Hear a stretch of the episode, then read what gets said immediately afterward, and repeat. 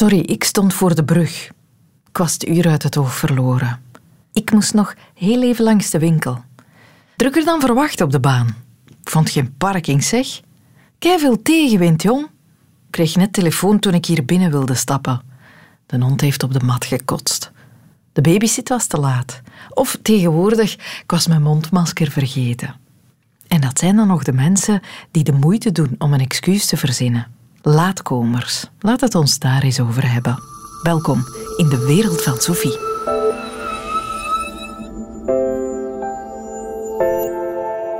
Grosso modo kan je de mensheid opdelen in twee types. Zij die altijd op tijd zijn en zij die altijd, maar dan ook altijd, te laat komen.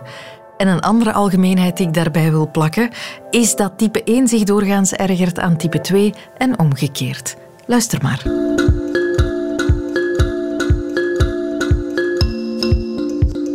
Ik ben Lotte en ik moet daar eerlijk in zijn. Ik ben een laatkomer. Ik ben Matthias en ik ben altijd op tijd. Het is niet zo dat ik uh, schandalig laat ben, altijd en overal, maar wel te laat. Ik vind het niet fijn om te laten komen, dus voor mij is dat wel altijd vervelend. Het hangt er natuurlijk een beetje vanaf hoeveel te laat. Is, is vijf of tien minuten ergens te laat komen is iets. Een half uur of een uur te laat komen, dat vind ik echt ronduit vervelend. Dan voel ik me echt heel ambetant. Het hangt er vanaf in welke context. Als ik een reportage op tijd moet af hebben, ja, dan is vijf minuten natuurlijk een eeuwigheid te laat. Als je gewoon met vrienden hebt afgesproken, ja, dan is vijf, vijf minuten te laat is, is nog op tijd, hè? Toch? Laat het mij zo zeggen. Als iemand vijf minuten te laat is, zal het mij niet ontgaan zijn, maar kan ik er mij wel nog over zetten. Als het gaat over het werk, probeer ik echt wel altijd op tijd te zijn. Ik vind dat het is een soort professionele houding, ook als je een afspraak hebt met mensen, dat je die nakomt. En op tijd komen is een deel van, van de afspraak. Dus dat, probeer ik wel echt uh, te respecteren. Maar eigenlijk uh, heb ik daar dezelfde ideeën over als het gaat over persoonlijke afspraken.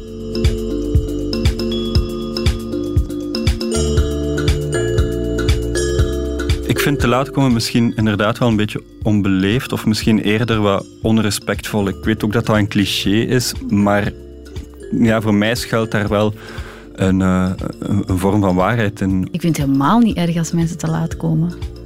Onlangs had ik vrienden uitgenodigd. Um, welkom vanaf half zeven, had ik geschreven. Vanaf, dus ja, als iemand dat tegen mij zegt, vanaf half zeven, dan kom ik tegen zeven uur, half acht. En ik was er natuurlijk verkeerdelijk van uitgegaan dat dat zo ook zou zijn. Maar die vrienden stonden er effectief om pal half zeven voor de deur. Ja, ik was totaal nog niet klaar. Die schoten dan wel mee in actie. Die hebben dan mee het eten klaargemaakt. Dat ik eigenlijk had gehoopt klaar te hebben tegen ze er waren. Ik zie dat niet per se een, een, een, kwaadwillige agenda in van de mensen die te laat komen, maar het sprekend gemak waarmee dat gebeurt, dat vind ik soms wel lastig. De mensen aan wie ik nu denk, die altijd te laat komen, die doen dat ook zonder enige schroom of zonder zich te verontschuldigen, zonder een soort blijk te geven van ja, sorry, dit was eigenlijk echt niet fijn voor jullie. En dan krijg je toch wel het gevoel als je zit te wachten van ja, oké, uh, ik, ik, doe er blijkbaar minder toe. Of mijn tijd uh, op zijn minst doet er minder toe.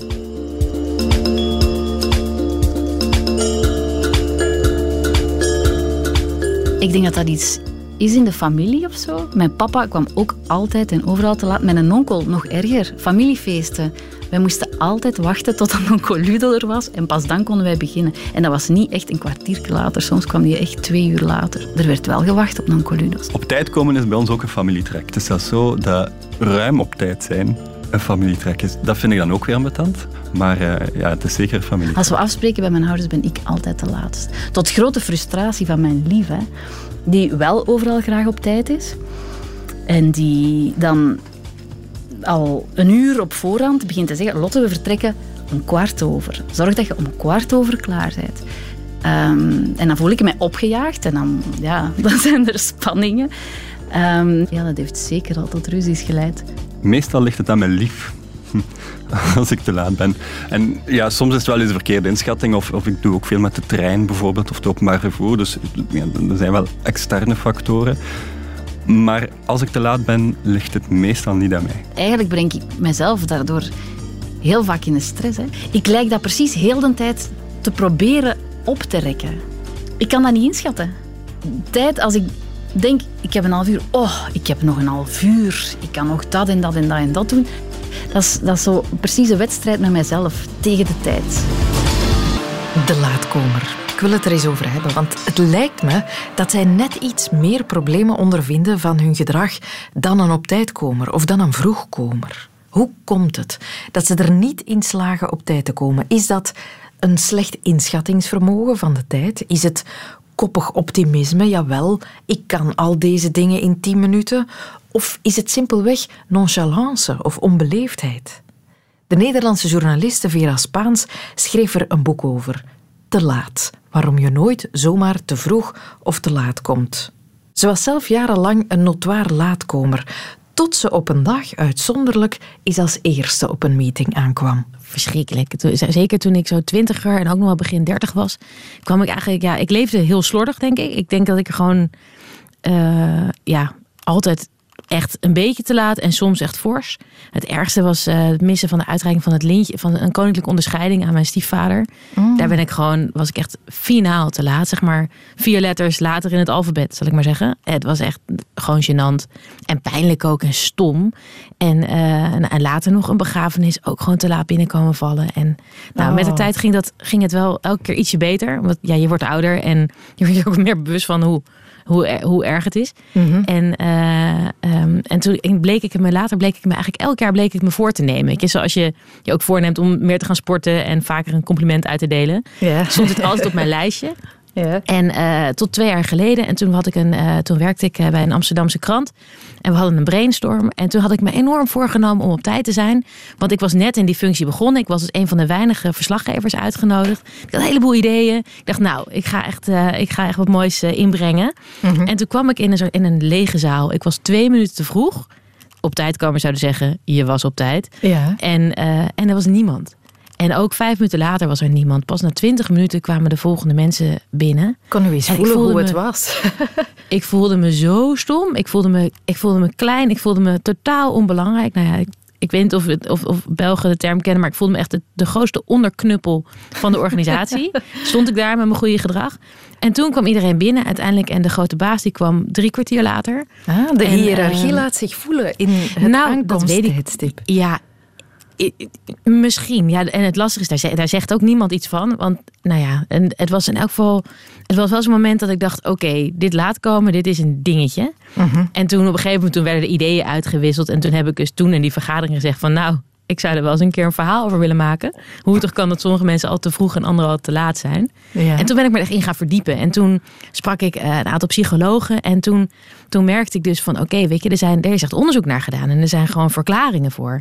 En uh, toen ik erover ging praten met mensen, bleek iedereen er hele heftige associaties bij te hebben. Nou, een beetje zoals Lotte en Matthias in het voorbeeld ook. Die hebben allerlei, ja, die, die vinden dat van, die worstelen daarmee. Die mhm. hebben een mening over de ander. Het is, um, nou ja, super interessant. Elke keer als ik het onderwerp opwierp, hadden we een half uur gesprekstof. Ja, dat is wel En toen waar. dacht ik, ja... Dat, Iedereen want, heeft er wel een verhaal bij, of een ervaring, of een mening, hè? Ja, nou, de mening heeft iedereen, zeker. Ja. En uh, ja... Door het onderzoek, door uh, met al die mensen te gaan praten, weet je inmiddels waarom sommige mensen altijd te laat komen? Ja, te laat kunnen komen, zou ik willen zeggen. Mm. Het is, uh, want het is niet een soort. Het is natuurlijk geen. Er zijn een aantal oorzaken, maar het is niet zo dat we allemaal gedwongen te laat komen. Hè? Het is dat, nee. je kunt er wel iets aan doen.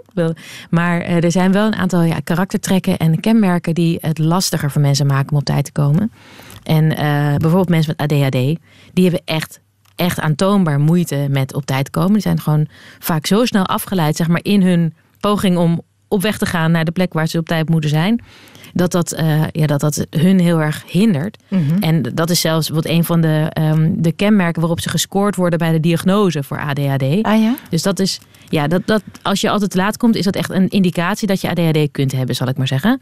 Mm -hmm. En, uh, en uh, avondmensen hebben, zeker in de ochtend, ja, werkt hun systeem gewoon nog niet zo goed. Dat kun je gewoon in de hersenen zien. Dat, mm -hmm. dat, dat dat langzaam gaat. En daar is ook, er is een onderzoek gedaan, ging eigenlijk ergens anders over. En toen bleek dat iedereen, zeg maar, dat de avondmensen echt structureel later aan waren gekomen bij dat onderzoek dan de ochtendmensen. Ah, ja. En, uh, uh, en het, ik denk dat een van de ja, de meest geciteerde of de meest omarmde onderzoeken naar op tijd komen en te laat komen is een Amerikaans, een vrij langdurig onderzoek geweest naar eh, de, de relatie tussen karakter en tijdsbesef. En dat is een. ehm, dat hebben ze echt een aantal keer herhaald. En elke keer kwam eruit naar voren dat bepaalde, eh, bepaalde mensen echt denken dat de tijd veel sneller gaat dan andere mensen. Ah ja? Ze hebben, dat is, eh, sommige Dus mensen. Je schat eh, bijvoorbeeld éénzelfde tijdsduur anders in. Of je voelt dat anders aan. To- totaal. Het verschil is echt, echt enorm. Zeg maar, ze hebben eh, toen mensen gescoord op karaktertrekken. Dat hebben ze toen een indeling gemaakt ja, in type A en type B. Ik denk dat die indeling aan zich een beetje verouderd is. Dat zijn echt karaktertrekken. Type A is dan het meer competitieve karakter. Mensen heel erg prestatiegericht zijn, heel erg gericht op winnen. En type B is wat ontspannender en minder, eh, meer op de relatie, wat socialer. En type A mensen, eh, die bleken als zij een gevoel van opgejaagdheid ervoeren, dat is zeg maar een kenmerk van type A. Die mensen dachten dat er 58 seconden in een minuut gingen, gemiddeld. En de type B mensen, of eigenlijk de niet-type A mensen, als ik het precies wil zeggen, die dachten, die propt daar soms wel 77 seconden in. Nou, als je bedenkt dat dat 20 seconden verschil zijn op een minuut, dat is een derde. Ja. Nou, extrapoleer dat naar een uur en je hebt daar wel al wel een beetje het probleem te pakken. Ja, of naar zoals een wat- dag, wat- ja. Nou ja, precies. Wat Lotte zei bij dat voorbeeld. Ik denk gewoon dat er meer kan in een half uur. Ik gok dat Lotte ook denkt dat er meer seconden in een minuut gaan dan er daadwerkelijk ingaan. Optimisme. En ja, dat is, dus, dat is een vorm van optimisme. En daar, is, daar is, zijn heel veel media en tijdschriften zo mee aan de haal gegaan van oké, laatkomers zijn gewoon ontspannender, leuke, optimistische mensen. en voor een deel, ja, met wat goede wil kun je ze gelijk geven.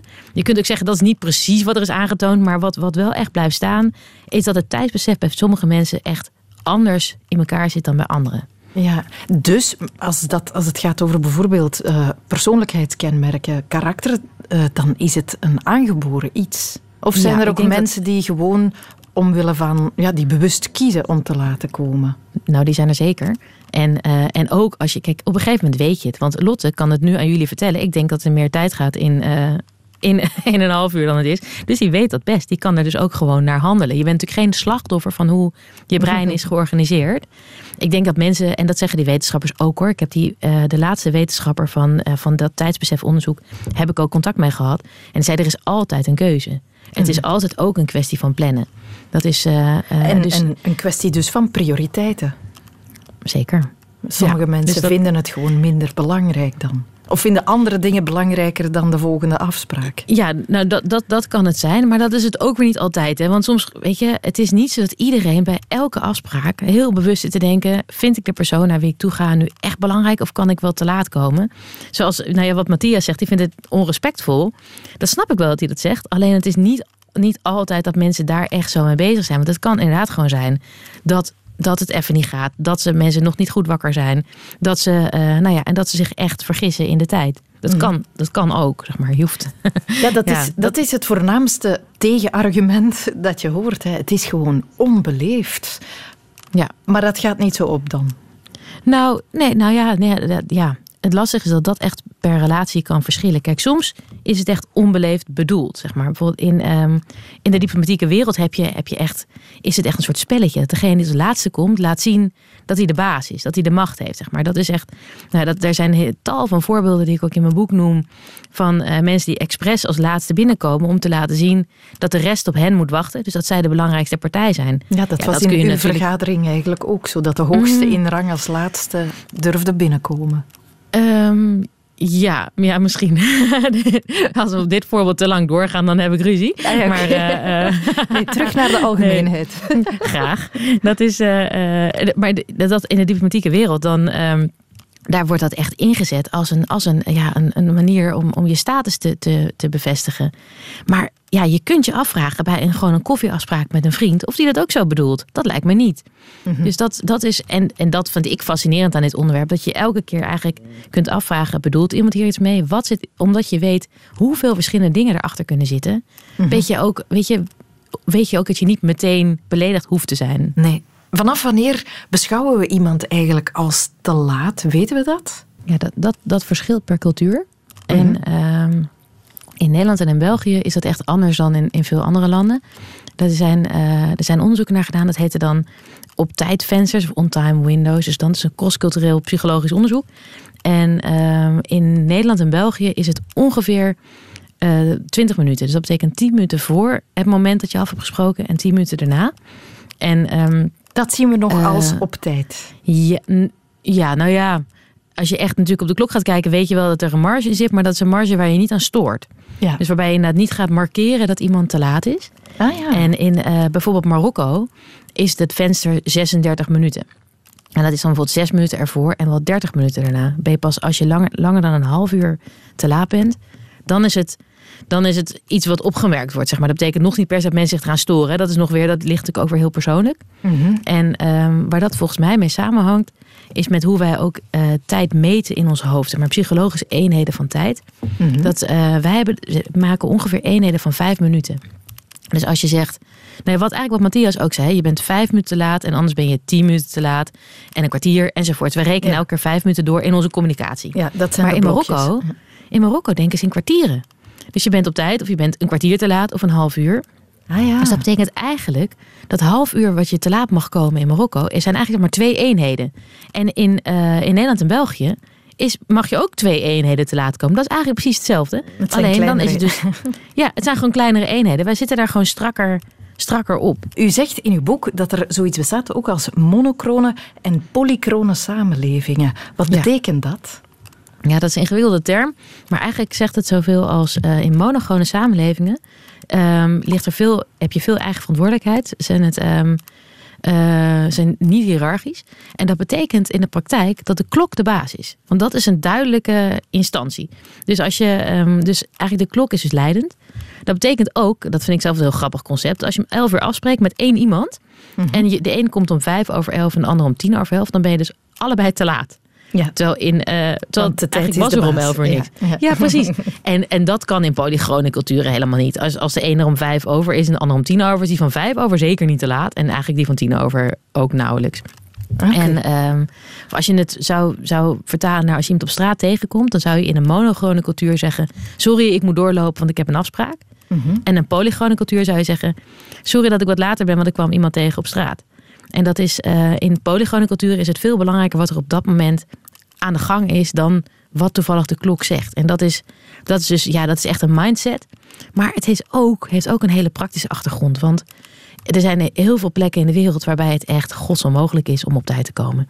Op het moment dat je, eh, nou, ik woonde zelf, ik heb een tijdje in Afrika, in Benin gewoond. En eh, daar moest ik met de taxi naar de hoofdstad. Nou, dat is een ritje van niks. Maar je doet er eigenlijk drie uur over. Maar je doet er veel langer over, omdat je moet wachten tot de taxi vol zit met acht personen. Ah ja. Dat kan gewoon even duren. Dus ja, dan kun je wel afspreken van nou, ik ben over twee uur eh, daar en daar. Het heeft geen enkele zin. Ja. Dus ja, Zij houden meer rekening met het moment nu, met het lot, wat Ja. kan gebeuren. Ja. Terwijl wij eerder geloven dat wij dat wat kunnen sturen. Ja, we geloven wat meer in de maakbaarheid van, eh, van de maatschappij. En misschien ook wel terecht, want ik denk ook dat in veel westerse landen dat ook, ja, eh, je, je ook meer van mensen kunt vragen om op tijd te komen. Mhm. Dat, be- dat eh, zorgt er dan voor dat waar men meer volgens de regels van de klok leeft, dat dat vaak welvarender landen zijn. Ja, ja daar, is ook, eh, daar is ook onderzoek naar gedaan. Dat een heel grappig, eh, grappig onderzoek is eh, naar hoe hard mensen op straat lopen. Er heeft een, een Amerikaans, Robert Levine, die is helaas overleden, een Amerikaanse psycholoog, heeft geklokt hoe lang mensen een bepaalde afstand gewoon in, in wereldsteden, ehm, hoe lang ze daarover deden.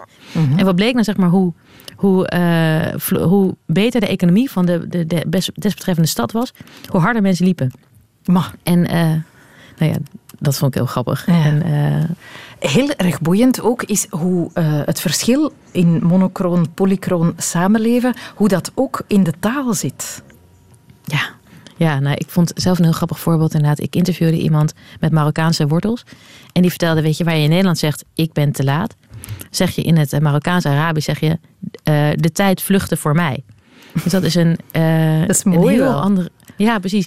En dat is met, met meer dingen hoor. Dat is ook, het, is een, ook weer een andere mindset. Dat ze ook niet zegt van, ik heb me gesneden, maar het mes heeft me gesneden. Het is een, een eh, ja, dus een beetje een inshallah cultuur. Zeg maar dat je, je legt eigenlijk je handen in het lot of in, eh, of in de handen van God. Eh, en het is een, een andere vorm van verantwoordelijkheid. Mhm. Ja, ja, je bent onderheviger aan de wereld, of je Ja. lijkt onderheviger te zijn Ja. aan de wereld dan in een, dan in een monochrone samenleving. Ja. Weten we eigenlijk wanneer in onze geschiedenis op tijd komen een ding geworden is?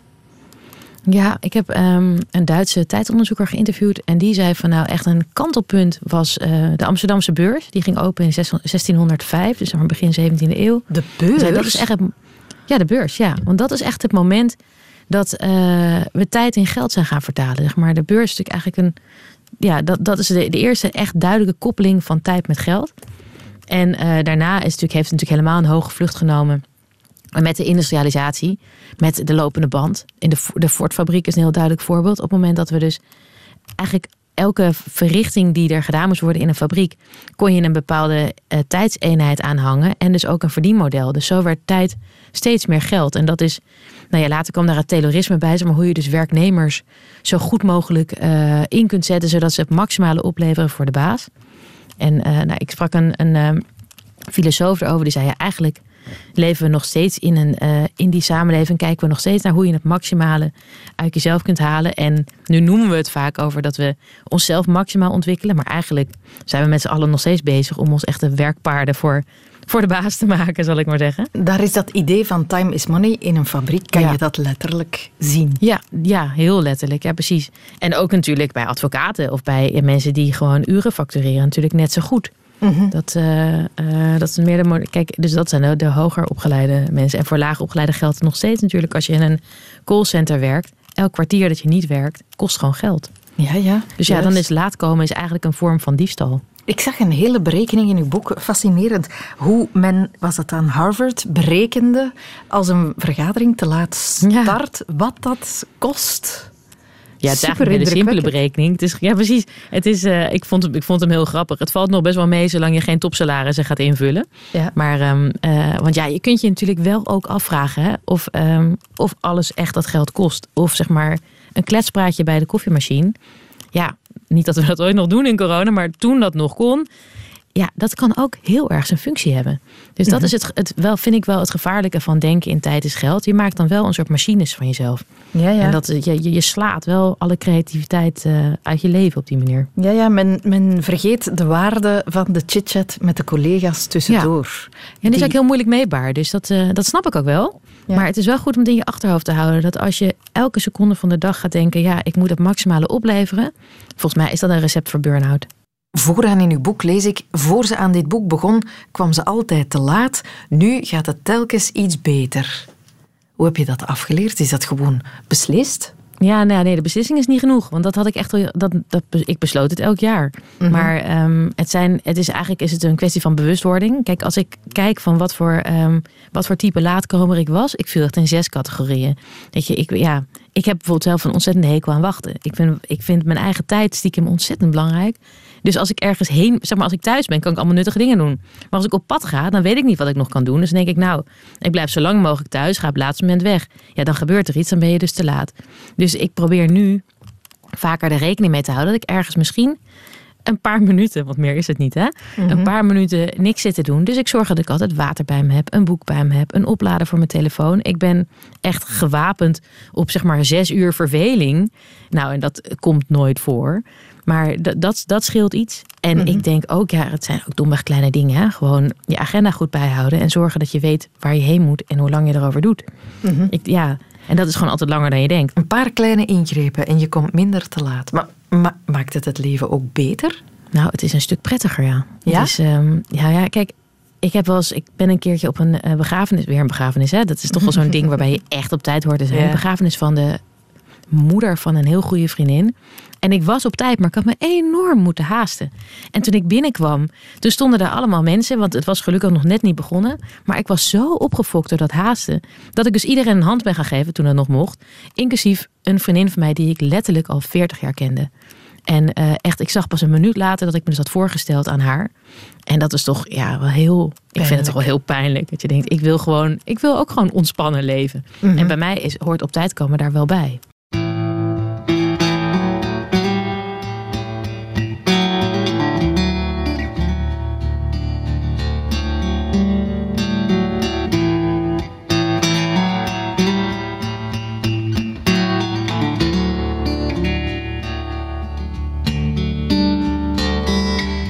Zijn duidelijk voordelen aan op tijd komen, aan tijdig ergens bij zijn. Dat geldt bij simpele dingen als Op tijd in een meeting zitten of op tijd op een etentje arriveren. Maar dat geldt ook bij grotere zaken in het leven.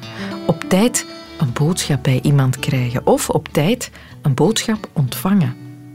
Maria de Keersmaker, goed voorbeeld, ontdekte veel te laat de brieven die een jeugdliefde haar had geschreven omdat haar moeder die voor haar had verborgen gehouden. Iets wat haar tot de dag van vandaag bezighoudt. Ik puist niet dat er zo nog twee zo'n geweest zijn. Ja, echt. Ik vond dat echt een sympathiek en ik, ik kan er niet van over. Echt waar. Ik puist niet dat er zo twee zullen zijn. Dat, like de Jean in een tijd, dat zo sympathiek, tof, allez, vriendelijk, beleefd, al wat dat je wilde. Maar ja, het is te laat. Hè.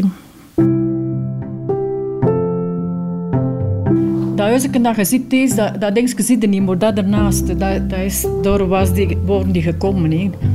Mieke Buitenhoort woonde door. En dat was een winkelke. En ja, die was gestorven en die familie uit Namen die waren naar hier gekomen. Hè. Ja, die had een overlijdensbericht. Ja, weet ik hoe dat, dat wisten. En die zijn niet gekomen en dat was allemaal met jonge kinderen. Dus ja, vader, moeder en die zoons en, en, nog meisjes, maar die worden nog kleinetjes. Die kwamen die dan natuurlijk elke week. En de Jean, dat was mijn favoriet. hè. dus...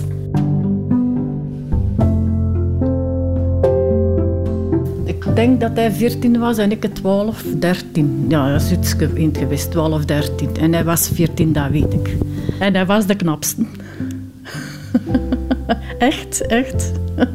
Ja, maar ja, je kunt op iemand vallen of, of weet dat je zegt, oh, dat ziet er een toffe uit. Of terwijl zeggen, amai, wat is dat? er is veel verschillen, niet? En uh, daarmee, ja, dat is dat hem begonnen mee een goede dag te zeggen. En, en ja, beginnen een paar leden, laat ik maar zeggen. En dat ze zijn vertrokken, niet? En dat, ja, spelen, hè, ja. Zeg het, hè. van alles, allee. Ik, ik zie het allemaal voor mij, maar ik kan dat ze niet goed uitleggen. Eh, en dan, ja, nog een tijd, twee, twee maanden zeker, ze- daarachter was die verdwenen. Ja. Alleen zag ik die niet meer.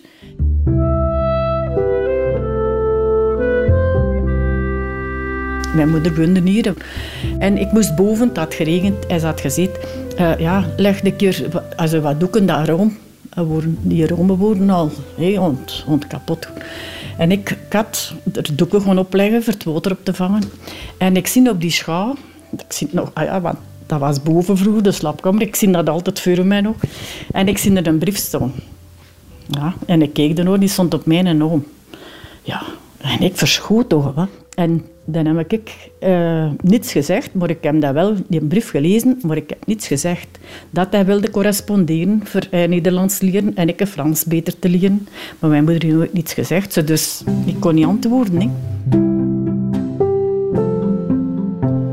Ja, mijn moeder was, was streng, maar in de zin van dat er niets verkeerd zou lopen, dat je zegt, ja, speelt met jongens en, en die kende niet. Hij was, nee, like of nog een tijd zeker, maar vroeger, mijn moeder was altijd eh, schrik dat er iets zou gebeuren. Dat ze, dat ze schrik had, zo gezegd, dat ik, dat ik erachter zou laten, blijkbaar. Hè. Dus, en ik heb er altijd op gepijst dat ik zeg, die zal pijzen dat ik van hem niet moest weten, maar, maar ik kon er niet aan doen, want het was mijn fout niet. Dat is mijn moeder schuld. Hè. Maar ja, het is te laat natuurlijk. Hè. Achteraf dat puist, ik had moeten... Frank, allee, eh, nu durven ze veel zeggen, maar ik dur- durfde niets te zeggen. Ik, ik had schrik. Hè. Dus ja, gezweegd en je puist altijd, maar goh, ik er nog nog schrijven? Als je dan al ouder zit, maar ja, dan daarachter gaat je uit en dan denkt je er zoveel niet meer. Maar ik heb er, oh, ik heb er regelmatig op gepijst. Dat ik zeg, allee, die zou ik toch nog een keer willen terugzien. Want dat was zo'n brave, echt. Dat was de, de, de vriendelijkste en de schoonste allee, van die jongens, zou ik maar zeggen. Hè. En, en er, allee, ik kon er niet van, van uit dat ik zeg, allee, hoe, hoe is dat nou eigenlijk allee, fout gelopen van, van elkaar niet meer te zien. Hè. Vroeger heb ik er veel aan gedacht. Als ik dan, voordat ik dan getrouwd was. En oh ja, ik zit dan ook al oh, 10, 12 jaar alleen en dan begin je er terug eens op te pijzen. hè. Dat is normaal. Dat je zegt, anders had het misschien beter af verlopen of zo. Zijn jammer van die dingetjes dat je achteraf zegt dat anders misschien beter geweest. Dat, dat weet nooit niet. Hè. Je kunt alleen maar denken van dat het anders kunnen zijn. Hè.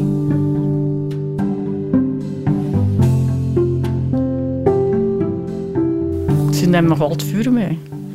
Echt. Maar ja, is niet mogen zijn. Ja, van... Waar ik 12 was, ja, dat is 62 jaar. Dat zou mijn wens nog zijn.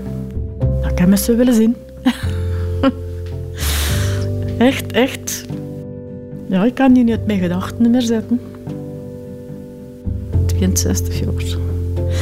Dat is lang, hè. En er nog altijd aan denken. Hè.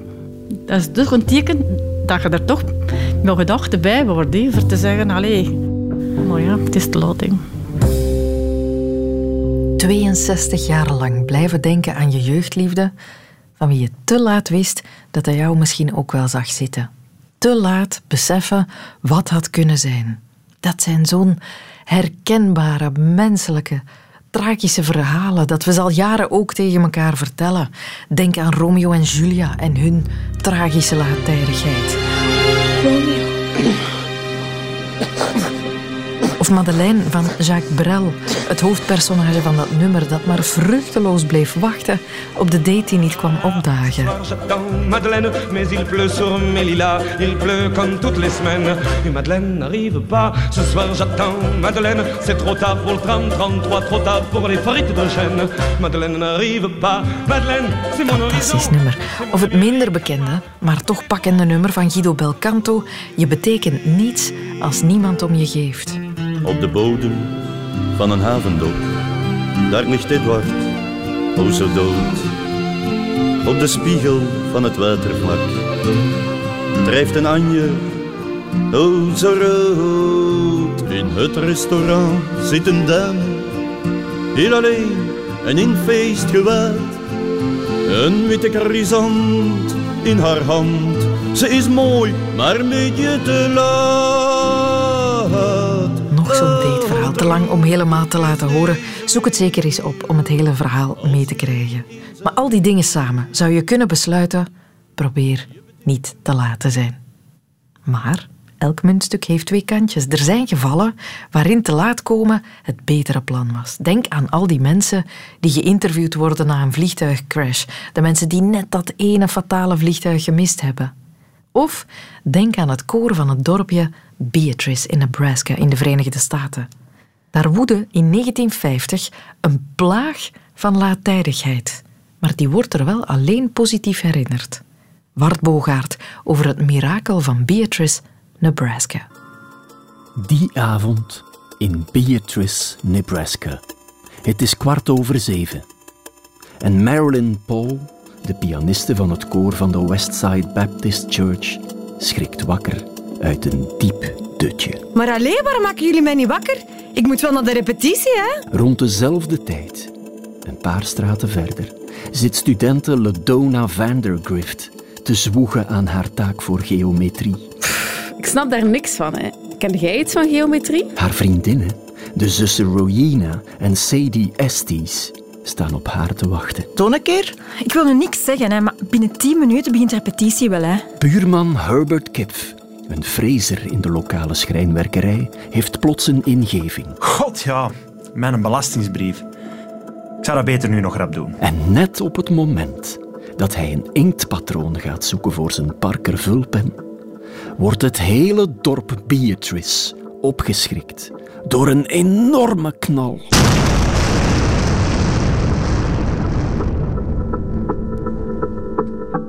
Kort daarvoor had de 16-jarige Lucille Jones nog naar haar favoriete radiofeuilleton zitten luisteren. Kom aan, Lucille, we moeten door. Maar sst, het is superspannend. Maar dat werd nu abrupt afgebroken, want de explosie had het radiostation uit de ether geblazen. Terwijl het hele dorp op straat komt om de schade aan de eigen huizen op te meten, wordt duidelijk waar de explosie vandaan kwam. De Westside Baptist Church is herleid tot een hoopje smeulende as en steenpuin. Het is 7 uur 25 en Marilyn Ledona, Rowena, Sadie, Herbert en Lucille realiseren zich met een schok dat de koorrepetitie, die het orgaan stipt om 7 uur 20 begint en waar zij om allerlei redenen niet tijdig bij waren, in volle gang moet zijn geweest. Dominee en koorleider Walter Klempel moet in het kerkgebouw aanwezig geweest zijn op het moment van de explosie. Dat kan niet anders. Flashback naar tien minuten eerder, ten huize Klempel. Meneer Klempel staat met zijn vrouw, soprane Marilyn Ruth, aan de wasmachine. Allee, Marleen, dat is nu toch niet erg? Zo'n klein vlekje. Machinist Harvey All, de corpulente bas die zich zo hard aan het voorbereiden was op de basaria uit de toverfluit van Mozart.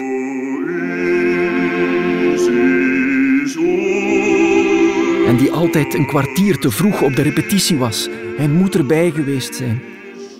Opnieuw een flashback. Godverdomme, is het zo laat? Jongens, hou u rustig bezig. Mama is binnen 10 minuten thuis. Politiehonden doorsnuffelen de puinhoop nadat de brandweer het vuur geblust heeft. De balans van het drama. Een verwoeste kerk. Een paar buren in het ziekenhuis met shockverschijnselen. En nul slachtoffers. Nul slachtoffers. Want alle vijftien koorleden die op het moment van de explosie allemaal in de kerk hadden moeten zitten, hadden net op dat moment iets anders te doen. De oorzaak van de explosie in de Westside Baptist Church in Beatrice, Nebraska, is nooit ontdekt. Maar de oorzaak van de unanieme levensreddende latijdigheid, daar waren ze het in Beatrice al snel over eens. Dit was het werk van God.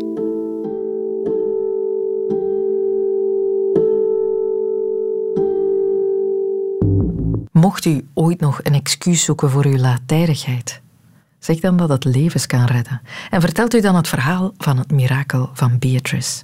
Beter verhaal dan dat uw hond op de mat heeft gekotst.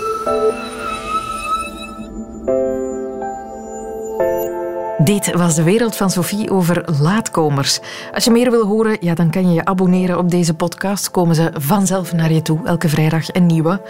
Of door elke weekdag te luisteren naar de wereld van Sophie op Radio 1. Dat is tussen 10 uur en 12 uur. Tot gauw. Dit was een podcast van Radio 1. Ontdek nog meer podcasts van Radio 1 in onze app en op radio1.be. Radio 1. Altijd benieuwd.